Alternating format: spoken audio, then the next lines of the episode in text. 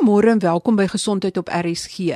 Ons het vandag ons gesprek voort oor endometriose in ons tweede en laaste aflewering in hierdie kort reeks oor endometriose.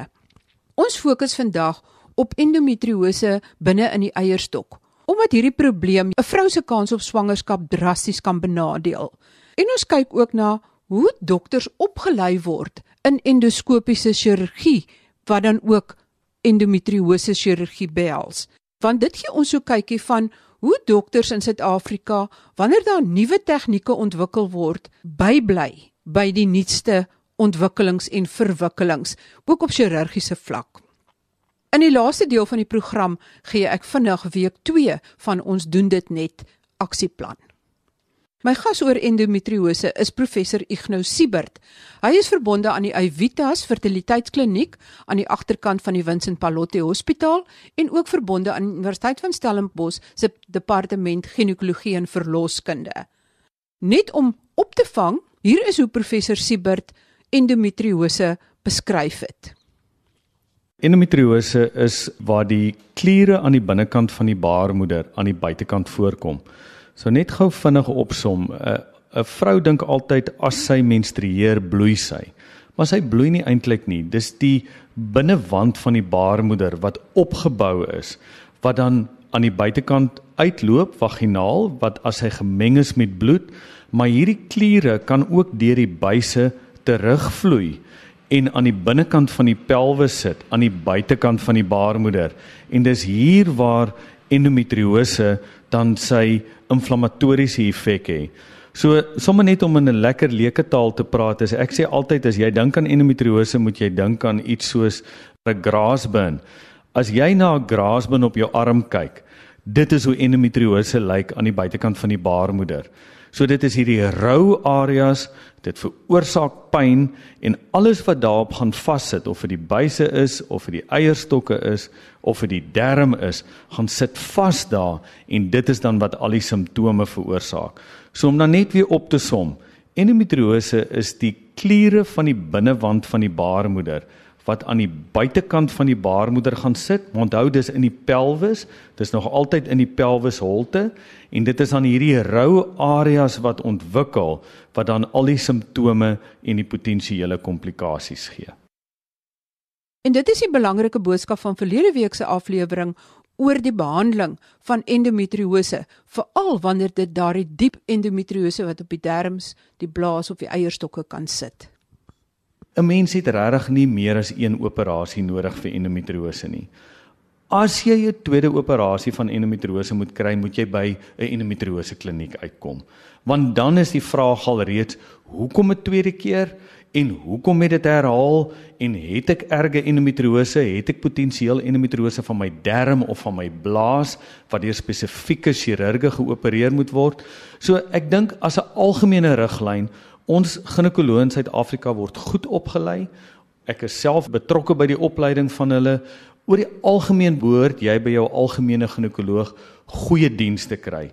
Maar as jy daai tweede operasie kry, dan moet jy regtig waar mooi vra, hoekom 'n tweede operasie en dan is dit die tyd om 'n tweede opinie Vir my 'n tweede operasie onthou is gelykstaande aan 'n tweede opinie. En dit beteken nie dat jy nie jou dokter vertrou nie, maar dan wonder 'n ou, hoekom kry ek 'n tweede operasie? En dis wat dan nou gelykstaande is aan 'n tweede opinie.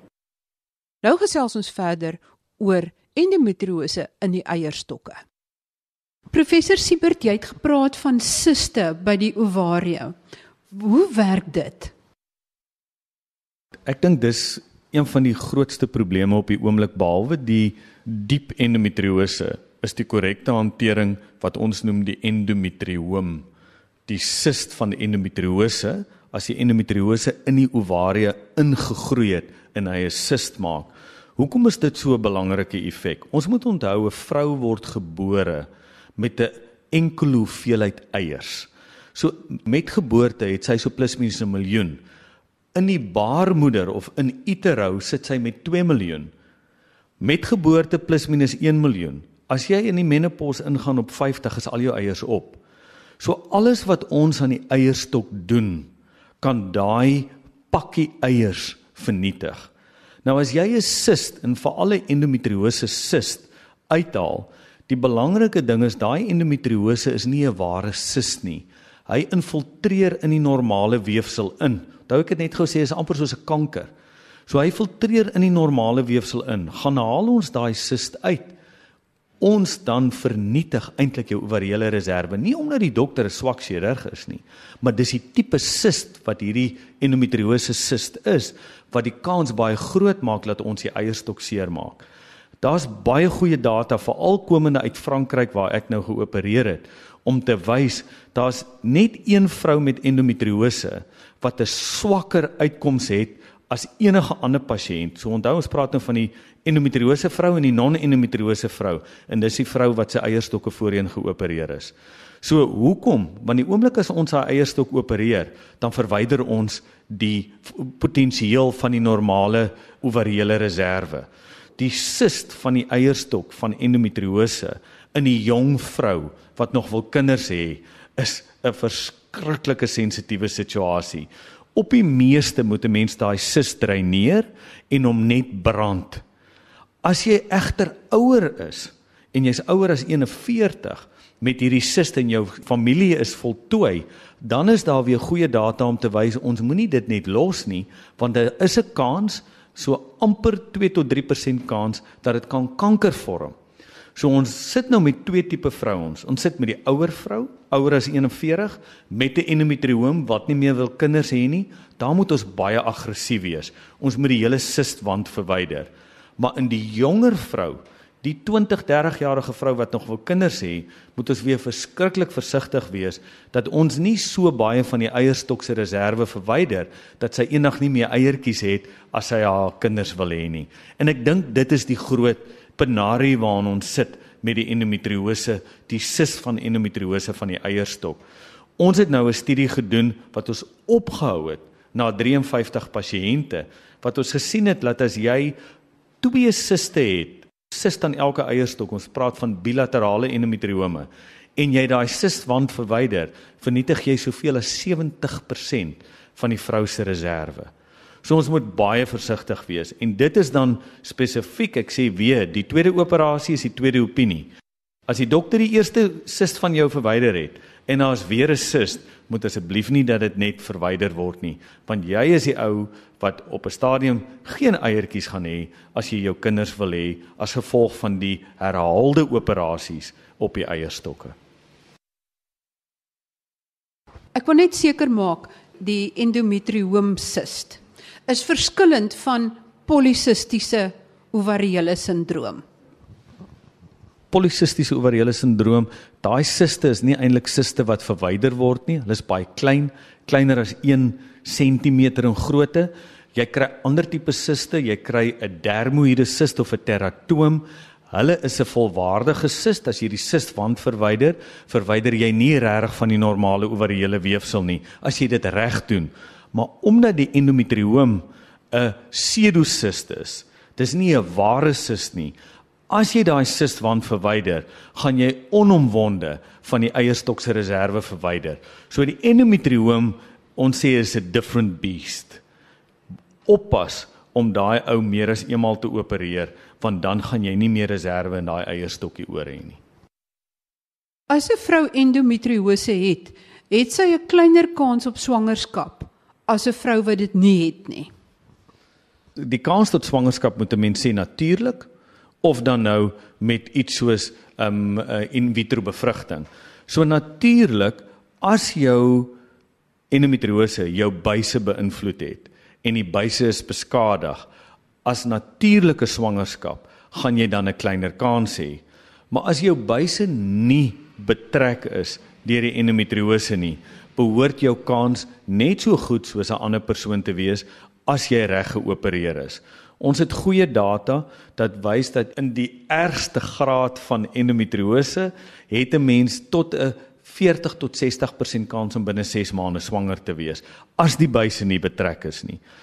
As die buise wel betrek is, onthou ek het net nou gesê oor daai ovariële reserve en ons het die ovariële reserve beskerm is daar geen verskil in die swangerskapskans van 'n pasiënt met endometriose versus 'n pasiënt sonder endometriose as ons in vitro bevrugting moet doen nie. Maar dan begin dit oor of my ovariële reserve beskadig is of nie. Want sommer net vir julle sê, ek bedoel as ons in vitro bevrugting doen, dan uh, ons het al 'n paar praatjies daaroor gehad en mense weet wat dit behels. Ons stimuleer jou met inspuitings, ons haal die eiertjies uit Ons bevrug dit aan die buitekant en ons sit die beste embriootjies terug in die baarmoeder. Maar as daar geen eiertjies is nie, sukkel ons om mooi embrio's te kry en dis waar die ovariële reserve inkom. So as die ovariële reserve beskermd was en ons dan in vitro bevrugting doen of jy endometriose het of nie, geen verskil, maar dan moet die ovariële reserve beskermd gewees het. As mens dan 'n vrou diagnoseer wat dan endometriose in beide haar ovaria het, kan mens dit dalk vir haar vooraf stimuleer om eiertjies vry te stel wat mens dan kan vries nie. Jy's 100% reg. En veral ook met die herhaalde endometriome. So ons het hom een keer behandel, maar dan kom hy terug en ek wil nog nie swanger word nie. Moenie net die vrou gaan opereer nie. Wees baie konservatief, stimuleer haar in ons vriesie eiertjies vir haar vir as sy dit wil nodig of as sy dit nodig het of wil gebruik. Dis presies dieselfde met die endometriome aan weerskante, die bilaterale endometriome. Stimuleer en ons vriesie eiers, want ons moet onthou as jy in vitro bevrugting doen, is die sukses afhanklik van die ouderdom van die eier en nie van die ouderdom van die ma wat die baba dra nie. So as ek my eiers gevries het op 26 en ek gebruik hulle op 36, is my kans die van 'n 26-jarige en nie van 'n 36-jarige vrou nie. En dis hoekom ons hulle vries. So ons vries hulle terwyl jy nog jonk is, al wil jy nog nie op daai ouderdom babatjies hê nie en jy kan dit later gebruik as 'n mens dan in die posisie is om dan 'n baba te hê. Vir hoe lank kan dit gevries bly? Daar is absoluut geen geen ehm um, 'n uh, spesifieke periode hier aangekoppel nie. Dit gaan oor onthou dit word binne millisekondes gevries. So of ek hom nou vir 'n dag vries en of ek die eiertjies vir 10 jaar vries, geen verskil. En dis dieselfde ook met die vries van embryos. Dan kom ons by die opleiding. Jy het nou teruggekom van Frankryk af, maar jy is ook hier betrokke by opleiding van Suid-Afrikaanse dokters. Kan jy bietjie meer uitbrei daaroor? Ja, opleiding vir endoskopie is 'n groot probleem. Want endoskopie is nie net 'n jy het nie net die die vaardigheid, jy het dit nie net nie. Jy moet opgelei word om die vaardigheid te kry. En ongelukkig in Suid-Afrika wat 'n ontwikkelende land is, het al ons universiteite nie al die opleidingsmateriaal om goeie opleiding in endoskopie te gee nie en waar ons byvoorbeeld hierdie is nie net 'n Suid-Afrikaanse probleem nie, maar dis 'n wêreldprobleem. So die Europese Akademie het hierdie probleem gesien so 5-6 jaar gelede en hulle het 'n opleidingsprogram op die been gestel wat hulle noem die GISEA, G E S E A. Baie mense verwys daarna as die Winners program.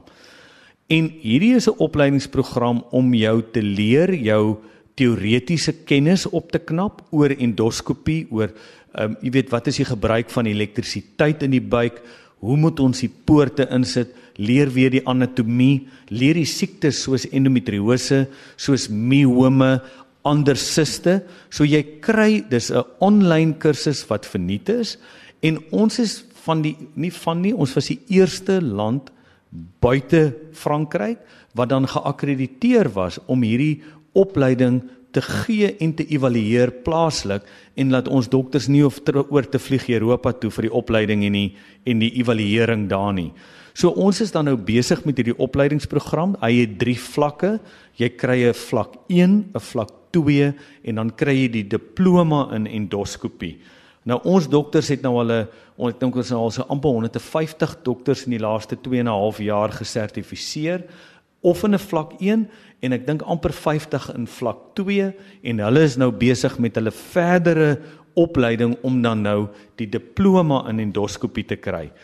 So dis 'n baie belangrike vraag want ons besef daar's 'n groot leemte in endoskopiese opleiding en ons het nou 'n program wat internasionaal geakkrediteer is wat ons plaaslik aanbied, plaaslike dokters evalueer Maar dit beteken nie die dokter kan al 100% opereer nie, maar ons het hom die vaardighede gegee en die kennis en ons is dan nou in 'n proses om dan nou sisteme op eh, daar te stel om die dokter dan nou te ondersteun in die proses om ook 'n goeie endoskopiese chirurg te word. So die slegte ding is is daar's baie dokters wat al lank in praktyk is wat nooit die opleiding gehad het nie. Die ongelooflike ding hiervan is die meeste van ons dokters wat dit doen is die ouer dokters um wat besef dat daar hierdie leemte in opleiding in hulle eie opleiding was en wat nou inkoop in hierdie program. Die program byvoorbeeld by ons wat betrokke is by die Universiteit van Stellenbosch, al ons ginekoloë wat nou klaarmaak, moes die teoretiese eksamen gedoen het van hierdie program die vlak 1 en hulle doen dan binne die eerste jaar as hulle klaar is die praktiese evaluasie van hierdie program. Hierdie program is onder die sambreel van die vereniging SASREC, maar ook onder die sambreel van ons algemene ginekologiese uh, vereniging SASOC. Um uh, en julle kan gaan kyk en julle kan vra daaroor op die webtuistes van SASOC. Um Dr. Johannes van Waart is die president daar en van SASREC is dit Dr. Dani Botha op die oomblik wat die president is van SASREC. En hierdie program is dan onder die vaandel van beide hierdie twee organisasies en ons probeer om dan ons algemene ginekoloë op te lei sodat ons dan éventueel die pasiënt se veiligheid, dis die belangrikste ding, om pasiëntveiligheid daar te stel en dan beter uitkomste, want dit is tog waaroor dit gaan vir om die, vir die pasiënt die beste dienste kan gee. In die fase 2 van die opleiding doen die uh, die persoon in opleiding, die spesialis in opleiding, doen hy dan self van die endoskopiese prosedures onder julle toesig of hoe werk dit? Ja, baie goeie vraag. Hierdie ehm um, Gizia of die Winners program is hoofsaaklik 'n laboratorium um, vaardighede. So jy word geleer om steke te doen, jy word geleer om 'n hysteroskopie te doen, jy word geleer om met jou hande binne in 'n buik te werk. Want jy kan nie glo nie, daar's baie dokters wat nie die vaardighede, die driedimensionele vaardighede het om dit te doen nie. So ons voel hierdie program is die lisensie om in die teater in te gaan. So as jy nie dit kan doen nie, kan jy mos nie in die teater ingaan nie. Nou op die oomblik het ons nie al die personeel om by elke persoon te wees om te gaan kyk of die persoon kan opereer nie. Nou ons het hierdie naweek het ons 'n groot endometriose kongres hier in die Kaap. Ons het al die lokale, al die Suid-Afrikaanse um, sogenaamde experts wat ons genooi het. Ons is so 110 mense Saterdag, maar Vrydag het ons 'n werkswinkel. En aan hierdie werkswinkel het ons dan modelle waarop die persoon wat ons die in vivo situasie simuleer op 'n model en dan kan ons sien of die persoon al vaardig genoeg is om te kan opereer en of nie vaardig is nie. Nou daar's twee jy het net nou genoem gaan ons en dan gaan kyk ons. Daar's twee modelle wat in Frankryk gebruik word. Dis die ideaal, absoluut die ideaal. Ons praat van 'n proctor en ons praat van 'n preceptor. Nou die proctor is jy gaan soontoe na die ou se teater en jy gaan kyk of hy kan opereer en jy help hom.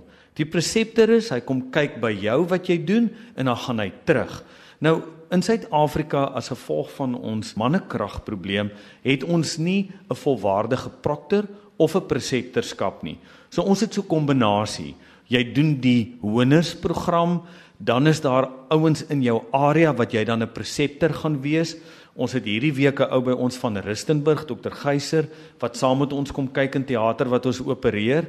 En dan is daar ook weer gevalle waar jy dan genooi word om by 'n ander persoon te gaan opereer en dan opereer jy saam en so leer ons almal by mekaar en ons verbeter mekaar se vaardighede.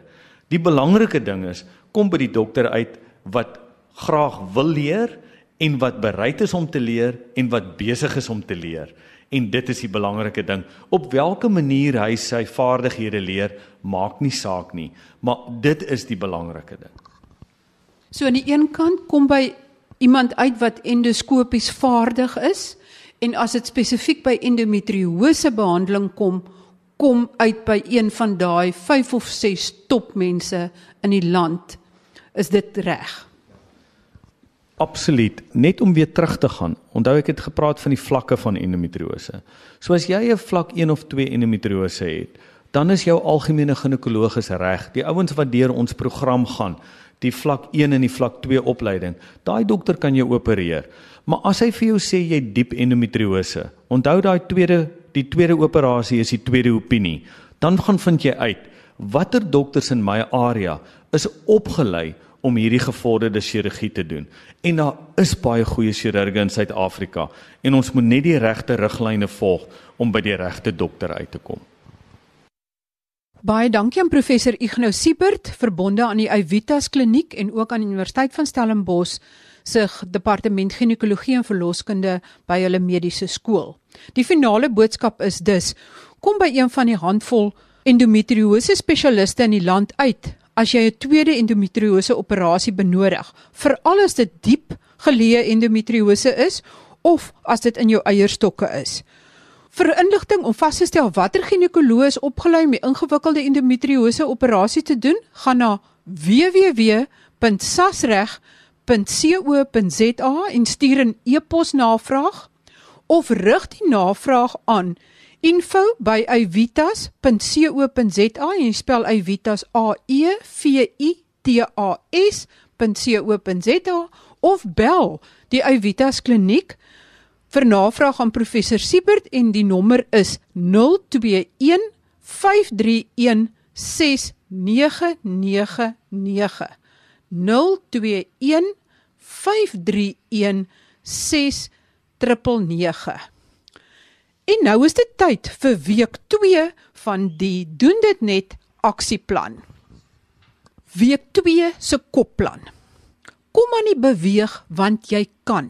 As jou ledemate kan beweeg, jy kan asemhaal en jou hart is gesond en jy het nie 'n terminale of stremmende siekte nie, kan jy mos gesonder lewe. Hoeveel mense met kanker of ander kritieke siektes sal nie wat wil gee vir nog 'n kans om fiks en gesond te voel nie. Dus oefen want jy kan. Ek dra dan ook hierdie week op aan alle mense wat nou veg teen kanker en ook aan Lise Resou van Stellenbosch want sy sou bitter graag nog jare by haar man en twee kinders wou deurbring maar haar tyd is kort geknip. Sterkte aan haar familie in hierdie hartseer dae. Dan week 2 van die oefenplan. Jy oefen steeds 4 keer 'n week of dit nou oefening is dat jy stap, fietsry, dans, pilates, swem, yoga of wat jy ook al doen. Hierdie program is vir as jy stap of draf. Jy sal 20 minute stap. Minute 1 tot 4 stap jy teen 'n matige intensiteit. Dit is omtrent 50% van jou maksimum hartspoed. Dit is so wat een ronde om 'n voetbalveld of 'n straatblok wat jy baie gemaklik stap. Dan vir minute 5 tot 20 stap jy 4 maal die volgende. 3 minute flink, 75% intensiteit, 1 minuut gemaklik. 3 minute flink, 1 minuut gemaklik en jy hou so aan tot jou 20 minute verby is. As jy wil begin draf, dan doen jy die volgende. Minuut 1 tot 4 is 'n matige intensiteit. Minute 5 tot 20 doen jy 4 keer hierdie siklus.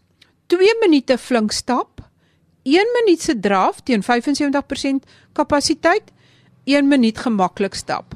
Dan weer 2 minute flink stap, 1 minuut draf, 1 minuut gemaklik stap. So gaan ons dit geleidelik opbou. En daar is op die webblad inligting oor wat is die regte manier van stap en die regte manier van draf. Week 2 se eetplan. Ons het mos gesê ons het rooi mandjies, geel mandjies en groen mandjies van kosse Rooi wat jy net een keer 'n week moet eet, geel is meer gematig en groen is die wat jy eintlik elke dag behoort te eet. En in week 2 is daar weer twee veranderings. Jy moet hierdie week probeer om elke dag een porsie groen groente te eet. Groen groente is die natuur se multivitamiën en is ryk aan antioksidante en voedingsstowwe soos Vitamiene A, C, K en minerale soos kalsium, kalium, magnesium, yster om net enkeles te noem. En dit is natuurlik ook ryk aan vesel. Nou as jy gedink het daar's min groen groentes, gaan kyk gerus op ons webblad want daar's sommer 'n hele mandjie vol groen groentes. Dink maar net: artisjokke, asperges, avokado, kool, blaarslaai, ertjies, boontjies en natuurlik murgpampoentjies. Wat jy in die rooi mandjie moet pak is soetkoeldranke. Net een porsie per week in die toekoms van gaskoeldranke wat suiker bevat, aanmaakkoeldranke of strope wat suiker bevat, versoete vrugtesap, versoete gegeurde melk, Milo warm sjokolade, dan drink jy eerder. In die plek van hierdie versoete gaskoeldranke drink jy water, gaskoeldranke wat kunsmatig versoet is, aanmaakkoeldranke wat kunsmatig versoet is, gewone melk, vars uitgedrukte vrugtesap, maar onthou dit 'n glas lemoensap van sowat 350 ml bevat rofweg die sap van 3 tot 4 lemoene. So jy moet nou nie heeltemal oorboord gaan nie. Dan natuurlik rooibos tee, groen tee of allerlei ander lekker tees en koffie as jy wil. Maar liefs nie koffie na 4 uur in die middag nie, want dan gaan dit jou weer uit die slaap uithou en nie suiker in jou tee of koffie nie, maar eerder versoeter as jy dan nou heeltemal nie kan wegdoen met die soet smaak nie. Die nuusbrief word weer Vrydag uitgestuur met allerlei bykomende inligting en stuur gerus vir my julle eie stories van hoe julle vorder aan gesond by rsg.co.za. Tot volgende week. Totsiens.